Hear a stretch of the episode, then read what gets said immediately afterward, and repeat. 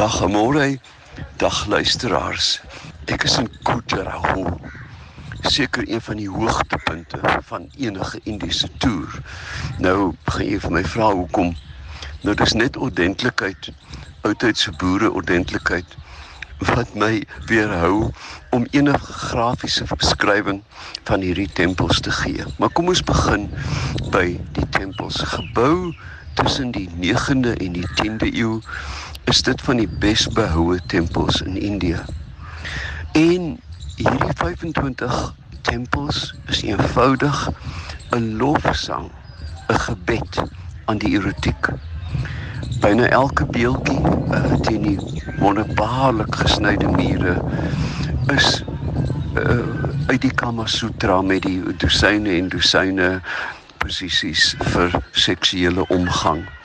Maar daar is absoluut niks vulgêr aan nie. Daar is niks pornografies nie. Die delikaatheid, die fynheid van die snywerk, die hoogste posisie van aanbidding en seksualiteit is van die mooiste op aarde. Daar is byna geen plek wat ek aan kan dink waar erotiek Pompei, dink 'n bietjie aan Pompei. Vind ek effe vulgêr. Dit is brutaal en sonder liefde, maar hier word die erotiek en seksuele omgang as 'n lofsang, as 'n lofsang aan die gode uitgebeeld. Um, ek kan beswaarlik aan iets mooier dink. Ek moet sê, ons gaste was 'n bietjie bleek om die kiewe, maar ons gids het dit so mooi verpak. Uh dat dit en ook stadig, jy kan nie net eenvoudig die muur tromp oploop nie, want jy sit jou melk wegskrik soos my ouma gesê het. Ek dink uh, in terme van argitektuur en kulturele inhoud is dit seker vir my die hoogtepunt van die Indiese toer. Ons het wyd gedraai. Ons was in Jaipur waar die gaste op olifante gery het.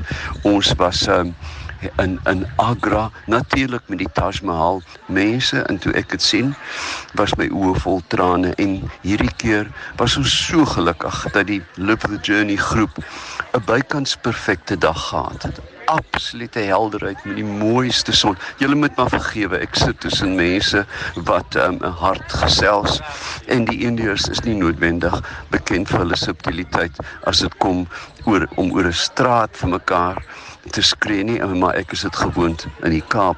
En so gepraat van skree, ehm um, dit bring my natuurlik ook uh, by 'n opmerking oor Indiese verkeer. Nou as jy sou vat, sê nou maar die Place de la Concorde die Etoile in Parys en jy meng dit met Kaïro en die braak van Stellenbosch op 'n Saterdagoggend, dan het jy 'n idee van 'n stil Indiese voorstad in terme van verkeer. Jy het in jou lewe nog nooit so iets gesien nie.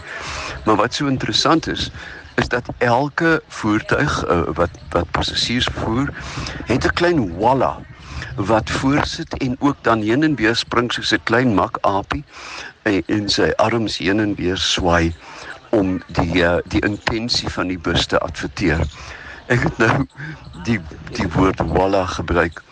Ouer luisteraars sal onthou in jare toe in die 50s en 60 was daar 'n klein plastiek houertjie waarin jy 'n stukkie sunlight seep gesit het en dit het jy dan heen en weer in jou wasbak uh, geklits om skuim te maak vir die opwas van skottelgoed en dit het bekend gestaan as 'n dishwalla met slegs toe ek in Indië kom, het ek begin verstaan waar die woord walla vandaan kom. Nou walla is 'n werker en jy kry 'n fietswalla, iemand wat net klere stryk staan bekend as die press walla.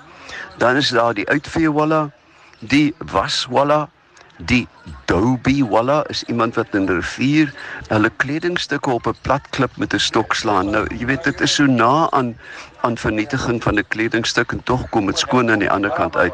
Uh ek ek moet hier onderbreek want hier is 'n groep wat my eenvoudig oorweldig het. Kom laat ek hervat. Ek hoop hulle los my nou uit. Omdat daar meer as 1,3 miljard mense in Indië is, is die idee van persoonlike ruimte nie eintlik baie belangrik nie, veral as dit by publieke vervoer kom. Busse lyk eenvoudig na 'n blik sardiens. Daar is busse met slaapplekke bo om nie van die treine te praat nie. Liewe hemel, dit is 'n godswonder dat niemand afgestroop word as hulle vinnig deur 'n tonnel gaan nie. En tog is daar 'n groot mate van gelatenheid. En die gelatenheid kom natuurlik van hulle spirituele inslag. Nou kom ons vergeet van die Gupta gespuis in in Suid-Afrika. Die berowers van die armes. Ons gids Atul is 'n Jain. Nou die Jainisme is 'n geloof sonder God wat eenvoudig net lewensriglyne het. En lanklaas was ek so beïndruk deur 'n man. Die eerste is ahimsa. Dit beteken nie geweld en ons weet natuurlik van die nie geweld van die Mahatma Gandhi wat 'n uh, lewenslank sy hele filosofie op nie geweld gebaseer het.